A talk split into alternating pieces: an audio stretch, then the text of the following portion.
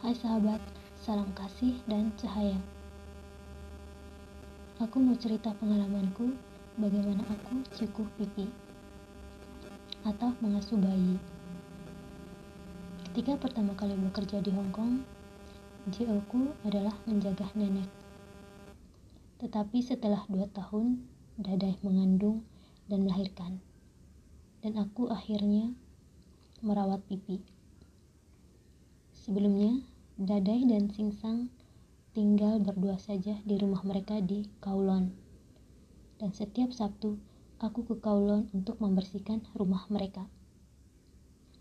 Jarak dari Koswebe ke Kowloon cukup jauh.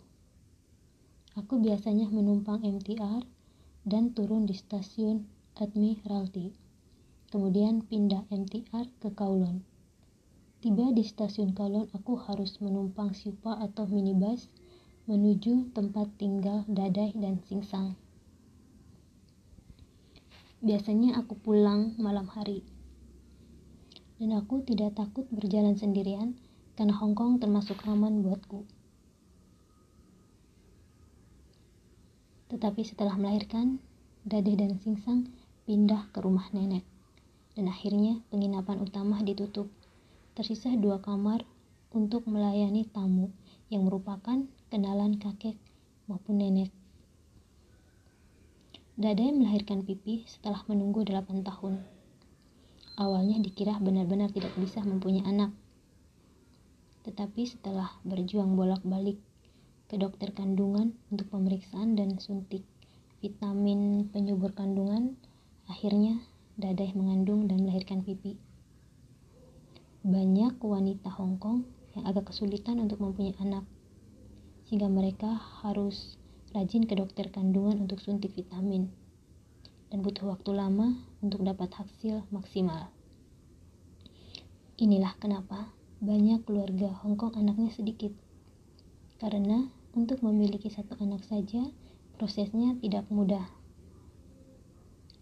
Dan rata-rata orang Hong Kong menikah di usia 30-an tahun ke atas.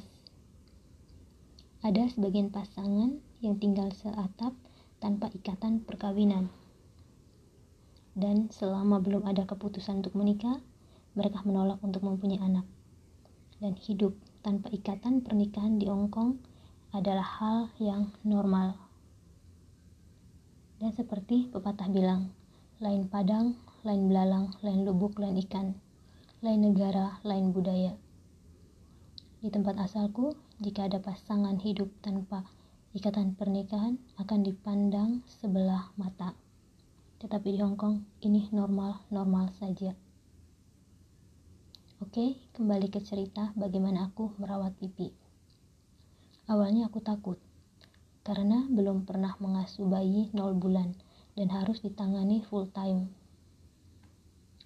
Saat masih di tempat asalku, aku memang sudah terbiasa mengurusi keponakan sambil aku sekolah tapi tetaplah berbeda. Karena aku hanya menjaga saja, sedangkan kebutuhan keponakan masih diurusi oleh kakakku. Beruntungnya, saat di PT aku sempat belajar bagaimana merawat bayi dan aku memakai media boneka.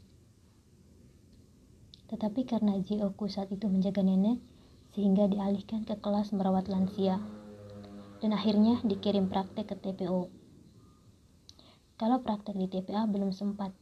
Dan ternyata orang Hong Kong mempunyai kebiasaan yang mana ketika seseorang wanita melahirkan, mereka akan menyewa tenaga khusus untuk mengajari bagaimana merawat bayi dan memasak masakan khusus ibu menyusui selama satu bulan penuh.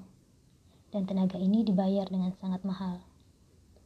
Dan Dadai menyewa seorang dosen dari Akademi Kebidanan dan aku sempat kesal dengan si dosen ini karena terlalu meremehkanku. Benar, aku belum menikah. Aku juga terlihat seperti anak remaja. Tetapi di PT, aku sudah sempat belajar bagaimana merawat bayi sesuai budaya orang Hong Kong. Dan aku pernah menjaga keponakanku, walau tidak full time. Dan aku selalu dekat dengan keponakan-keponakan yang ku jaga. Dan si dosen ini setiap habis memberitahuku, dia selalu bertanya, mengerti tidak? Dan aku menjawab mengerti. tetapi dia selalu mengulang pertanyaan sampai berulang-ulang kali. Ini yang membuatku menjadi kesal. Dan nenek sebenarnya agak keberatan ketika Dadai menantunya itu membayar si dosen ini. Nenek merasa bisa mengajari karena ketika nenek melahirkan kedua anaknya, dia sempat mengasuh anak-anaknya itu sendirian saat bayi. Dan nenek adalah wanita asli Cina dan dari keluarga yang sederhana. Tetapi karena tidak enak hati menentang menantunya, jadi nenek menurut saja. Oh iya, nenek sekalipun usianya sudah tua, tapi tubuh fisiknya masih bugar. Karena dia suka menari dan bernyanyi. Setelah masa tugas si dosen ini selesai, aku mulai merawat pipi full time. Tetapi di bawah pengawasan nenek. Sedangkan Dadah dan Singsang mengawasi melalui CCTV. Kalau aku sedang membereskan rumah dan memasak, nenek yang menjaga pipi. Setelah aku selesai mengerjakan pekerjaan rumah, baru aku mengurusi pipi. Sedangkan dadai atau singsang baru kembali ke rumah saat malam hari. Aku ingat ketika suatu waktu dadai menggendong pipi. Pipi menangis tak kunjung henti. Dadai mulai panik karena saat itu adalah pengalaman pertama Dadai mempunyai anak dan dia tidak tahu bagaimana membuat pipi diam. Akhirnya dia memanggilku. Cece, bagaimana ini? Pipi menangis tak mau berhenti. Akhirnya aku mengambil ahli untuk menggendong pipi. Dan setelah ku gendong, akhirnya pipi diam dan tertidur. Dadai hanya menggeleng-gelengkan kepalanya. Oh iya, mengurusi bayi Hongkong berbeda dengan mengurusi bayi Indo, apalagi bayi kampung. Segala sesuatu harus dikerjakan dengan teknik yang benar, tidak bisa asal jadi. Dan Hong Kong terkenal bersih. Kotor sedikit saja jadi masalah. Tangan kesenggol koran saja sudah dianggap kotor. Sehingga dalam satu hari, aku bisa berkali-kali mencuci tangan. Dan kalau mau memungut sampah di lantai, harus menggunakan tisu. Setelah itu mencuci tangan. Dan tidak boleh memungut sampah secara langsung. Dan setelah beberes rumah ataupun memasak, aku harus ganti baju. Setelah itu baru mengurusi pipi. Jadi, sebelum menyentuh pipi, harus benar-benar steril. Dan di saat pipi tidur, aku wajib menjaga. Dan pipi selalu memegang tanganku. Kalau tidak, dia akan susah tidur. Seringkali dia mencubit-cubit punggung tanganku. Dia tahu mana tanganku, mana tangan yang lain. Sekalinya, karena tanganku pegal, aku mengganti tanganku dengan sapu tangan.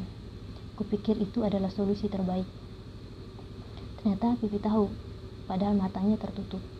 Dan dia membuang sapu tangan ke lantai dan akhirnya menangis.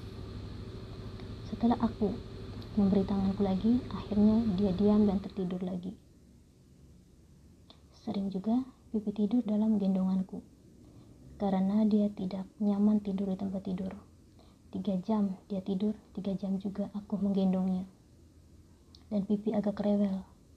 Kalau bukan aku yang menidurkannya, dia agak susah untuk tidur. Begitu juga minum susu dan makan. Kalau bukan aku yang menyuapi, dia tidak akan mau makan. Kalau nenek mencoba untuk menyuapinya, siap-siap saja makanan itu akan tumpah ke lantai. Dan dia mau digendong terus, sehingga aku terpaksa membuat susu sambil menggendongnya. Tidak disarankan seperti itu. Tapi pipi benar-benar tidak mau kuletakkan di tempat tidur ataupun karpet. Kalau ada nenek, nenek yang membuatkan susu. Tetapi kalau nenek sedang berbelanja, aku yang membuat sambil menggendong pipi. Kadang-kadang, Dadai pun memilih membantu membuatkan susu di saat dia sedang berlibur di rumah. Karena dia tahu pipi tidak akan mau diambil dariku padahal Dadai adalah maminya. Kalau diambil paksa, Pipi menangis dan kedua tangan kecilnya memeluk leherku. Kedua kakinya melingkar di pinggangku, mirip anak panda berada di pohon bambu. Bisa dibayangkan bagaimana repotnya aku jika mengurusi Pipi sendirian. Setelah Pipi berusia 9 bulan, Dadai mengambil seorang pekerja lagi untuk mengurus rumah dan nenek. Sedangkan aku fokus ke Pipi, karena mulai usia satu tahun, Pipi mau didaftarkan sekolah playgroup. Ketika temanku mulai bekerja, ternyata Pipi pun tidak mau dengannya. Ketika Pipi mulai lincah berjalan, dia suka mengikutiku. Aku makan di kamarku, dia setia menemani. Aku masuk kamar mandi, dia berdiri depan pintu dan menggedor-gedor pintu, berusaha untuk masuk. Setiap temanku berusaha untuk mengambilnya, dia selalu berontak sampai temanku kewalahan. Oh iya, pipi ini pipi yang lamcai. Maksudnya balita laki-laki. Dan aku mengasuh pipi dari usia 0 sampai 3 setengah tahun. Karena pipi tidak bisa jauh dariku, maka itu ke mana pun pipi pergi, aku pasti ikut serta. Lucunya saat berlibur ke Taiwan, Pipi tidak bisa tidur tanpa memegang tanganku. Akhirnya, aku dan Singsang terpaksa harus bertukar tempat duduk dalam pesawat. Begitu juga saat naik kereta. Karena kalau mau tidur, Pipi biasanya rewel dan akan semakin rewel kalau tidak memegang tanganku. Dan dia sering mencubit punggung tanganku ketika mau tidur. Dan yang unik, dia tahu mana tanganku mana tangan yang lain. Karena kedekatanku dengan pipi ini, Singsang tidak pernah khawatir meninggalkanku bersama pipi. Bahkan dalam kondisi sakit sekalipun. Tetapi mereka tetap mengawasi hmm, melalui CCTV dan menelponku bolak-balik untuk mengecek keadaan pipi sampai mereka kembali ke rumah. Oh iya, Sekalinya, saat aku sedang menidurkan pipi, Dadai memintaku untuk beristirahat. Dan Daidai mengambil alih untuk menidurkan pipi. Saat itu, mata pipi sudah tertutup.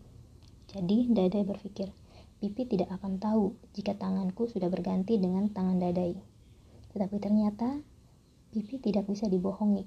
Begitu dia sadar kalau tangan yang dipegangnya sudah bukan tanganku, dia membuka mata dan akhirnya mencariku.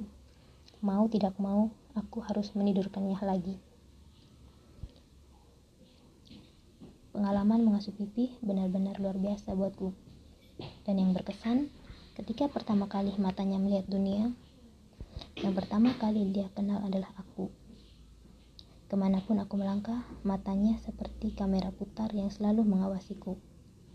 Dan setiap aku menggendongnya keluar, orang-orang melihat selalu bilang, Cece, anakmu Kau gendut sekali, dan kamu kuat ya menggendongnya. Mereka berkata seperti itu karena melihat tubuhku yang mungil, tetapi aku sanggup menggendong pipi dengan gendongan, dan aku sangat menyayangi pipi. Semakin bertambah usia, pipi terlihat agresif atau bahkan terkesan nakal. Aku akui aku kadang kelelahan menanganinya. Dan aku merasa sedih ketika guru-guru di nursery, uh, di nursery school mengatakan pipi nakal dan dari ekspresi mereka, mereka terlihat mulai tidak suka karena mungkin mereka kelelahan mengurusi pipi. Tapi ya, namanya anak kecil, belum mengerti dan fase setiap anak berbeda. Ada yang mudah diatur, ada yang susah diatur. Nah sahabat, inilah ceritaku. Thank you, namaste.